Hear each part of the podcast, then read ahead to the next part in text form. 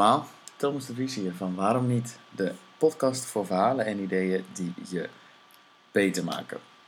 En ik zit vandaag eens ehm, alleen achter de microfoon en dat komt omdat ik vaak berichtjes krijg via de social media kanalen over welke boeken ik zou aanraden. Ehm, en de reden dat ik die berichtjes krijg is vooral omdat ik in de eh, podcast eh, met mensen die ik interview vooral vergeet eh, om de boeken die we bespreken in de show notes te zetten. Dus ik dacht, het minste wat ik kan doen is een keertje achter de microfoon gaan zitten en jullie vertellen welke, of welke boeken ik ehm, zou. De podcast kan ik doen. Maar vandaag gaat het alleen maar over boeken. En als je de podcast vaker leest, leest, podcast de podcast luistert, dan uh, weet je dat ik, het, uh, dat ik graag boeken lees. En ik ben wel eens verbaasd over waarom niet meer mensen dat doen.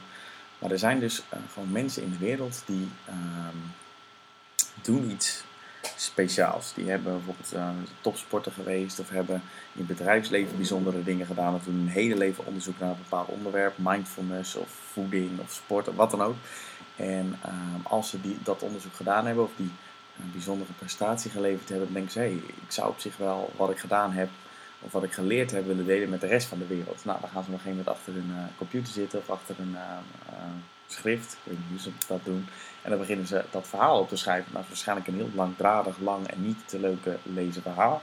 En dan gaan de professionele editors gaan daar mee aan de slag om er een makkelijk te lezen, leuk te lezen verhaal van te maken. En het enige wat wij hoeven te doen is dan 20 eurotjes te betalen en uh, te kopen en het te lezen in nou ja, een paar weken of een week, afhankelijk van hoe snel je leest. En al die lessen die die mensen geleerd hebben, die kun jij dus leren door alleen maar het boek te lezen. En die ideeën die in die boek, boeken staan, dat is niet iets kleins. Dat, dat, dat kan je leven echt verbeteren.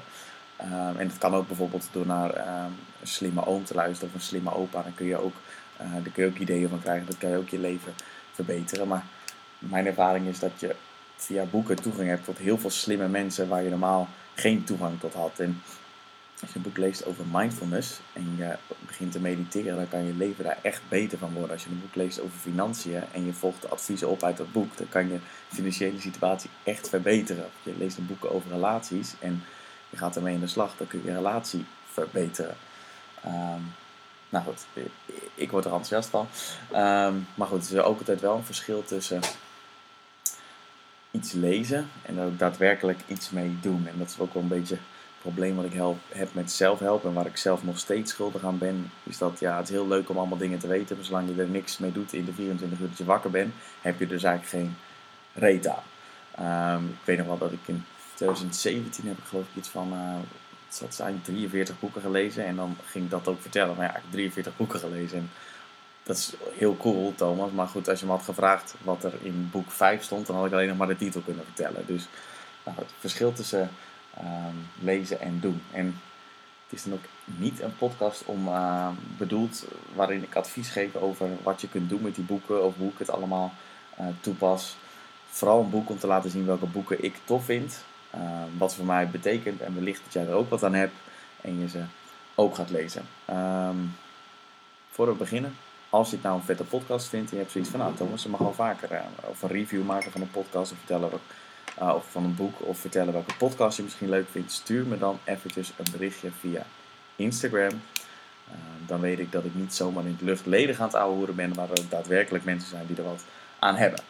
Cool, laten we beginnen. Ja, het eerste boek dat ik zal aanraden is een boek die veel van jullie wel gelezen hebben, denk ik. De zeven eigenschappen van effectief leiderschap. Um, het is het allereerste zelfontwikkelingsboek dat ik las. En dat is ook de reden dat ik hem noem. Ik weet nog dat ik het aan het lezen was en dacht, wow gek, als je dit allemaal toepast, dan, uh, dan word je sowieso een beter persoon. En dan wordt je leven, ziet je leven er ook een, stuk leuker uit. En, uh, het is een beetje een populair boek. Volgens mij is het ehm, het meest verkochte managementboek ooit. En daarmee nou, neemt het ook wel iets van zijn kracht weg. Omdat mensen die nou ja, die principes dan overal voor gaan gebruiken. Dus denken alles proactief of winnen-winnen. Dat zijn twee principes uit dat, uh, uit dat boek. Uh, maar die ideeën, die, die zeven principes, als je die echt zou leven, dan nou goed, zijn echt krachtig. Dan, dan, dan, zou dat echt goed zijn uh, in alles wat je doet. En waarom ik het boek ook noem, is omdat ik heel veel andere zelfontwikkelingsboeken heb gelezen. En veel van die thema's, van die kernprincipes, van die ideeën, die komen ehm, steeds weer terug in andere boeken die ik lees. Ehm, bijvoorbeeld, ehm, in het boek noemt hij kwadrant 2, dat je voornamelijk dingen moet doen uit kwadrant 2. En dat zijn dan dingen die niet urgent zijn, dus niet echt nou ja, direct gedaan moeten worden. je weet allemaal wat urgent is, ga ik dat uitstellen. Dus niet, uh, niet urgent, maar wel belangrijk wat dus eigenlijk hetzelfde is als um, korte termijn, lange termijn. Dus korte termijn, ja, een boek lezen, daar, heb je niet zoveel aan. Maar als je die dingen toepast, dan op lange termijn uh, uh, kan het wel heel veel goede dingen opleveren. En dat, ehm, dat korte termijn, lange termijn denken, dat kom, komt echt overal terug. De Stoics, die slimme Griekjes, die praten erover. Jordan Peterson, mijn grote held, die zegt als je een goed leven wil hebben, in het Engels zegt hij dan, you have to sacrifice the present for the future. Een ander boek wat ik laatst gelezen heb van Ray Dalio, dat is volgens mij een van de nou, meest succesvolle investeerders uit Amerika. En die zegt uh, dat iedere actie heeft een first order, second order en third order consequence. Dus ja, uh, dat is eigenlijk hetzelfde als de korte termijn, lange termijn. En dat vind ik zo nice aan uh, al die zelfontwikkelingsboeken en die ideeën. Is dat het lijkt alsof er een soort van universele waarheden zijn die, nou ja, waar heel veel verschillende mensen op een andere manier achterkomen. Ik ben inmiddels na het lezen van de zeven eigenschappen um, ja, verder gegaan door heel veel andere boeken te lezen. En als je zoiets hebt van, nou die zeven eigenschappen vond ik wel leuk, maar ik eh, ben wel benieuwd wat er nog meer is. dan zou ik je drie richtingen in willen sturen. Allereerst het boeddhisme, niet zozeer in de, uh, het geloof zelf, maar meer de ideeën erachter. De Bhagavad Gita, een heel mooi uh, boek de Toltecs, dat zijn uh, Grieken, of nee niet Griekse, dat zijn Mexicaanse uh, filosofen. Ehm, de vier inzichten van Miguel Ruiz is daar een mooi boek van. En de Stoics, dus de slimme Griekjes. En dan is On the Shortness of Life van Seneca. Of ehm, Meditations van Marcus Aurelius, een goed boek. En ook daarin zie je dat al die drie nou, mensen uit India, mensen uit Mexico, mensen uit Griekenland... eigenlijk wel veel overeenkomende ideeën en principes hebben. Dus als je de zeven eigenschappen van effectief leiderschap nog nooit gelezen hebt, zou ik dat zeker doen. Brengt ons bij het volgende boek, Flow van Michael Csikszentmihalyi. Uh, ik ben niet zozeer enthousiast over het boek, prima geschreven, maar vooral over het concept, namelijk flow. Dat vind ik echt fascinerend. Uh, ik heb de laatste podcast over gedaan met Casper van der Meulen, uh, schrijver van het boek Mindlift. En flow is eigenlijk de optimale prestatiemodus. Dat is althans zo, zoals ik het begrijp. Als je in flow zit, dan ben je het meest creatief. Ehm, ehm, kun je de beste oplossingen verzinnen. En dan ben je gewoon de, nou ja, de beste versie van jezelf. Om het maar even een cliché uit te leggen. Ehm, en het is ook inmiddels neurologisch verklaard eh, dat het ook echt daadwerkelijk zo is. Als je in flow zit, dan maak je dus allemaal stofjes aan die zorgen dat je nou ja, gewoon uh, alles beter kan. Uh, en het zijn dezelfde stofjes bijvoorbeeld die je uh, aanmaakt als je cocaïne doet of uh, pillen slikt of alcohol drinkt. Dus ja, als we gewoon allemaal in flow zitten de hele dag, dan hoeven we in het weekend onszelf helemaal niet vol te stoppen, stoppen met al dat soort middeltjes. En Casper die ehm, legt het heel simpel uit als je in flow wil komen, dan moet de uitdaging die je hebt matchen met je skills. En um, als je het skiën bent en je bent een hele ervaren skier en je gaat voor de kinderweide af, ja, dan vind je er geen reet aan. Um, en dan um, raak je verveeld. Maar goed, als je nog nooit geskiet hebt en je gaat direct van de zwarte piste af, dan raak je gestrest. Dan denk je, ja, dit uh, gaat, hem niet, uh, dat gaat het niet worden. en als je als zeg maar die dingen matchen, dus als je een gemiddelde skier bent of een iets ervarende skier en je gaat van een uitdagende een zwarte piste af, die je wel gewoon kan, maar die wel uh, uitdagend is, dan kan, kun je dus in flow komen en dan nou, vergeet je de tijd en gebeuren al die goede dingen. En ik heb ook wel momenten dat ik in flow ben geweest. En mijn grote manco is altijd dat ik overwhelm krijg. Dus dat de uitdaging groter lijkt dan mijn skills. En heel vaak is dat niet zo, maar dat is wel mijn perceptie ervan. Dus dan is het voor mij waarheid. Uh, nou goed, inmiddels weet ik dat als ik, als ik dat heb, dat ik het dan op moet delen in kleine stukjes, klein moet beginnen, een beetje momentum op moet bouwen, uh, waardoor het uiteindelijk makkelijker gaat. Maar het is in ieder geval een fascinerend eh, concept. Vooral ook omdat de flow nauw samenhangt met uh, mindfulness, dus in het uh, nu zijn, uh, waar ik ook fan van ben. Maar goed, daar heb ik zo nog wel een boek voor. Volgende boek, The Code of the Extraordinary Mind van Vishen Lakiani. Ik verwacht niet dat heel veel van jullie hem zullen kennen, het was een onbekend boek. en Vishen Lakiani is de oprichter van Mind Valley, dat is een educatieplatform. En zijn doel is om het educatiesysteem in de wereld te veranderen. Maar goed, iemand die dat doet, ehm, ben ik wel gauw fan van, want ik vind dat het educatiesysteem wel een verandering uh, kan gebruiken. Goed, dus één concept wat me echt is bijgebleven, waar ik veel over nadenk, en dat noemt hij rules. En dat zijn bullshit rules. En hij zegt dus dat er door onze opvoeding, of maatschappij, of nou, in ieder geval door allemaal omstandigheden ons allemaal regels worden aangeleerd die soms gewoon complete onzin zijn. Of tenminste niet voor een bepaald persoon uh, relevant of uh, nuttig hoeven te zijn. Bijvoorbeeld, um, en dat is iets waar ik vaak over nadenk, het standaard riedeltje. En uh, hij noemt dat, dat een American Dream. Dat je gaat studeren, dat je vervolgens voor een baan gaat werken, en een vriendinnetje krijgt of een vriend krijgt. Dat je een huis gaat kopen, dat je kinderen gaat krijgen, dat je nog een promotie krijgt en een groter huis gaat kopen. En dan uiteindelijk op je 67ste of voor ons millennials misschien wel uh, tot je 80ste door gaat werken en dan met pensioen gaat. Wie heeft dat bedacht? Dat je, of iets anders, de 9 tot 5, dat je van 9 uur s ochtends tot 5 uur s middags ergens naartoe gaat om te werken en vervolgens um, terug naar huis gaat om dan te kunnen chillen. En dat zie ik wel met heel veel um, digital nomads. Mensen die zeggen van ja, de 9 tot 5, dat werkt niet voor mij. Maar goed, ik vind wel een relevante vraag van ja, waarom is dat, waarom is dat normaal? Of ik noemde net een huis kopen, waarom is het normaal om een huis te kopen? Goed, allemaal dingen die bezig Oh ja, vorige week was ik jarig. Ik vind ook het concept van je verjaardag vieren vind ik heel fascinerend. Dat je, nou ja, je wordt ieder jaar wordt je een jaar ouder, dan hoef je alleen maar niet voor dood te gaan. En dan in één keer ga je dan um, dat vieren. En dan krijg je uh, allemaal berichtjes van mensen die je nooit spreekt en nooit vragen hoe, hoe, hoe, goed het met je gaat. En dan in één keer een bericht gaan sturen van hé hey, Thomas gefeliciteerd. En nogmaals, ik zeg niet dat het verkeerd is. Best wel leuk om, om berichtjes te krijgen. Maar um, wat dat boek deed, doet nog steeds doet voor me, is dat ik bij heel veel dingen die normaal lijken, me afvraag van waarom is dat eigenlijk zo? En werkt het wel voor mij? En zo, als het niet werkt, zou ik ook andere regels voor mezelf kunnen bedenken. Er staan overigens nog echt heel veel andere toffe dingen in het boek. Dus zeker de moeite waard om een keer te lezen. The Code of the Extraordinary Mind. Dan lekker nadenken over welke regels bullshit zijn. Boekje nummer 4, ja, 4 Crucial Conversations van Granny, Switzer en Macmillan. Een boek waar ik heel veel aan gehad heb. Uh, het is een boek over communicatie, nou dat zal je niet verbazen gezien de titel.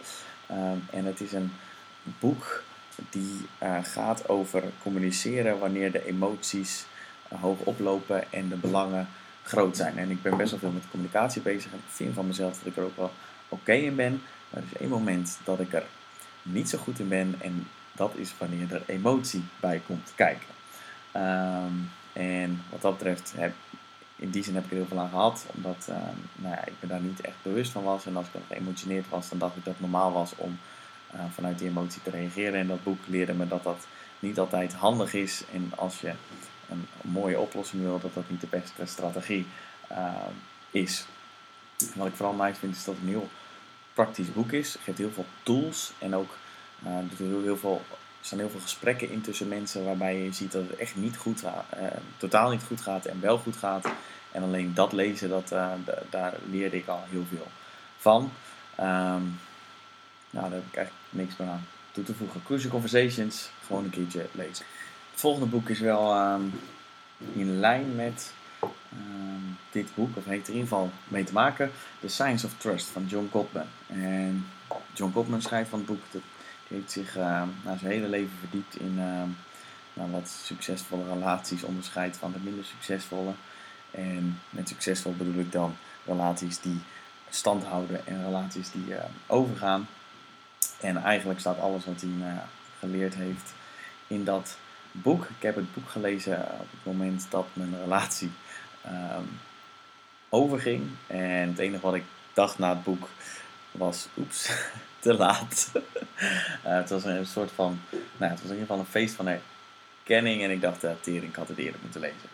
Um, hetgene wat ik er het meest uithaalde is dat vertrouwen uh, heel langzaam kan verdwijnen. In veel gevallen ook gebeurt. Dus niet door iets heel groots, maar uh, door hele kleine momenten. Bijvoorbeeld als je partner je nodig heeft omdat die persoon ergens mee zit, maar dat, je dan, dat het dan niet lukt om die signalen op te pikken omdat je nou ja, bijvoorbeeld te veel met jezelf bezig bent. Er staat ook in dat het niet gaat om ruzie maken, maar om hoe je het oplost. Dus ruzie maken is totaal niet erg, dat hoort ook, staat in het boek. Alleen Ehm, het is hoe je het oplost. Dus dat er geen wrok blijft hangen en dat, dat je echt alles er um, uitlaat, denk ik. Dat ik het zo goed zeg. Um, en ik hoor altijd het cliché van ja, relaties. Een relatie is echt werken. Dan vroeg ik me altijd af van ja, oké, dat is leuk om te zeggen, maar hoe dan?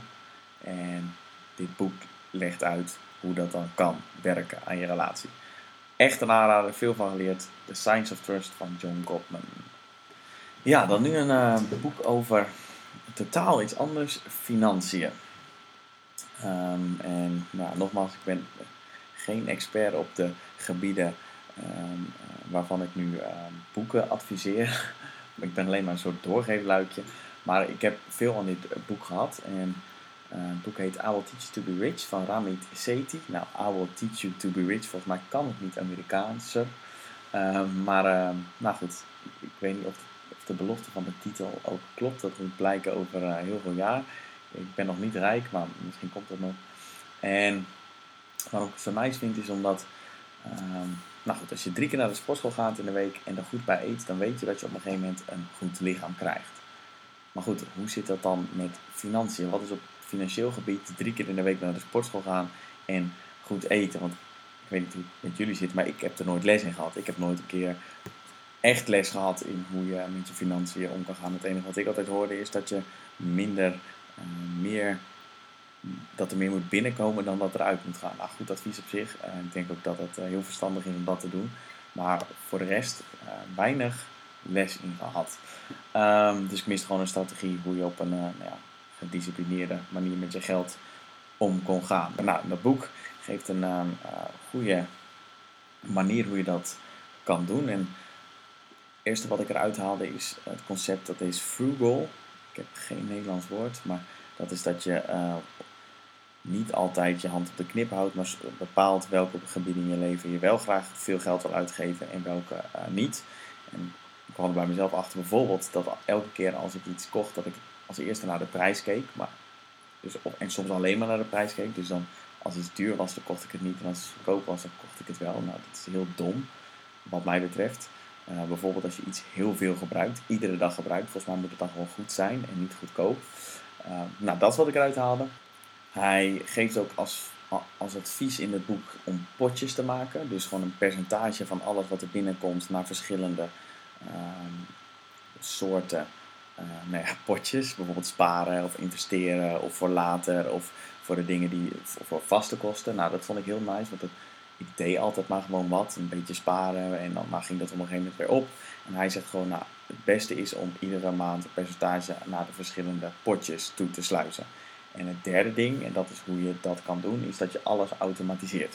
Dus als het, op het moment dat je je slaas krijgt, dat dan brengt up, alles wegsluist naar de verschillende potjes en dat je daar niet meer aan hoeft te denken. Werkt voor mij fucking goed. Um, en als laatst heeft hij het ook over investeren. Daar ben ik me nu een beetje aan, aan het verdiepen. Um, en ik heb er echt nul ervaring mee nog, dus ik ga er ook echt niks over zeggen. I Will Teach You To Be van Ramit Sethi. Goed boek om een keer te lezen. Brengt me bij het laatste boekje. Nou, ik moet zeggen boek, want het is een prachtig boek. The Power of Now van Eckhart Tolle. Um, het is een boek over mindfulness. En nou ja, de enige reden dat ik begon met mediteren. Mediteren al vijf jaar. Het heeft me heel veel gebracht. Ik denk dat van alle dingen die ik verteld heb, of alle boeken die ik heb gelezen, dat, dat uh, het mediteren me het allermeest gebracht heeft, het meeste impact heeft op hoe ik, uh, hoe ik in het leven sta. Ik kan nog niet zeggen dat ik veel begrijp van hoe mindfulness in het nu zijn en al die dingen in zijn werk gaan. Eigenlijk begrijp ik er nog een reet van. Maar dat hoeft ook niet, want het werkt, het werkt wel. Ik ben voornamelijk gewoon een stukje minder emotioneel reactief. Voordat ik mediteerde was ik vooral vaak boos en verongelijkt en geïrriteerd en boos op eigenlijk alles. En sinds ik mediteer is dat gewoon een heel stuk minder.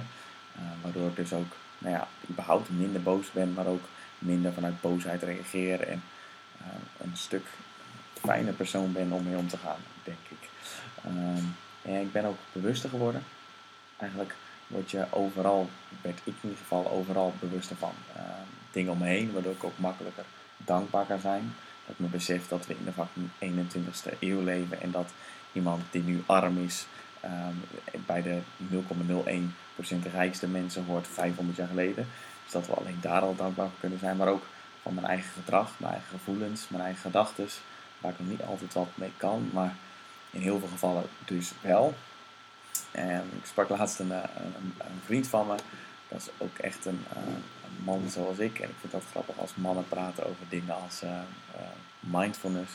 En hij zei, hij doet aan yoga. En hij zei, ja, door yoga en door mediteren wordt die storm in mijn hoofd wat rustiger. Toen dacht ik, ja, dat is, dat is een goede manier om het, om het uit te leggen. Um, ja, en The Power of Now van Eckhart Tolle is echt een prima introductie uh, nou ja, in mindfulness, mediteren en alles wat daarmee te maken heeft. Zo, dat uh, was hem weer. Ik zou nog één ding willen vragen. Vond je deze aflevering op een of andere manier nou waardevol? Denk je van nou Thomas, dat mag je wel vaker doen. Laat me dit alsjeblieft dan even weten via een van de social media kanalen. Dan weet ik dat ik uh, niet zomaar in het luchtledige aan het ouwe horen ben. Uh, thanks voor het luisteren. Spreek je snel. Doei.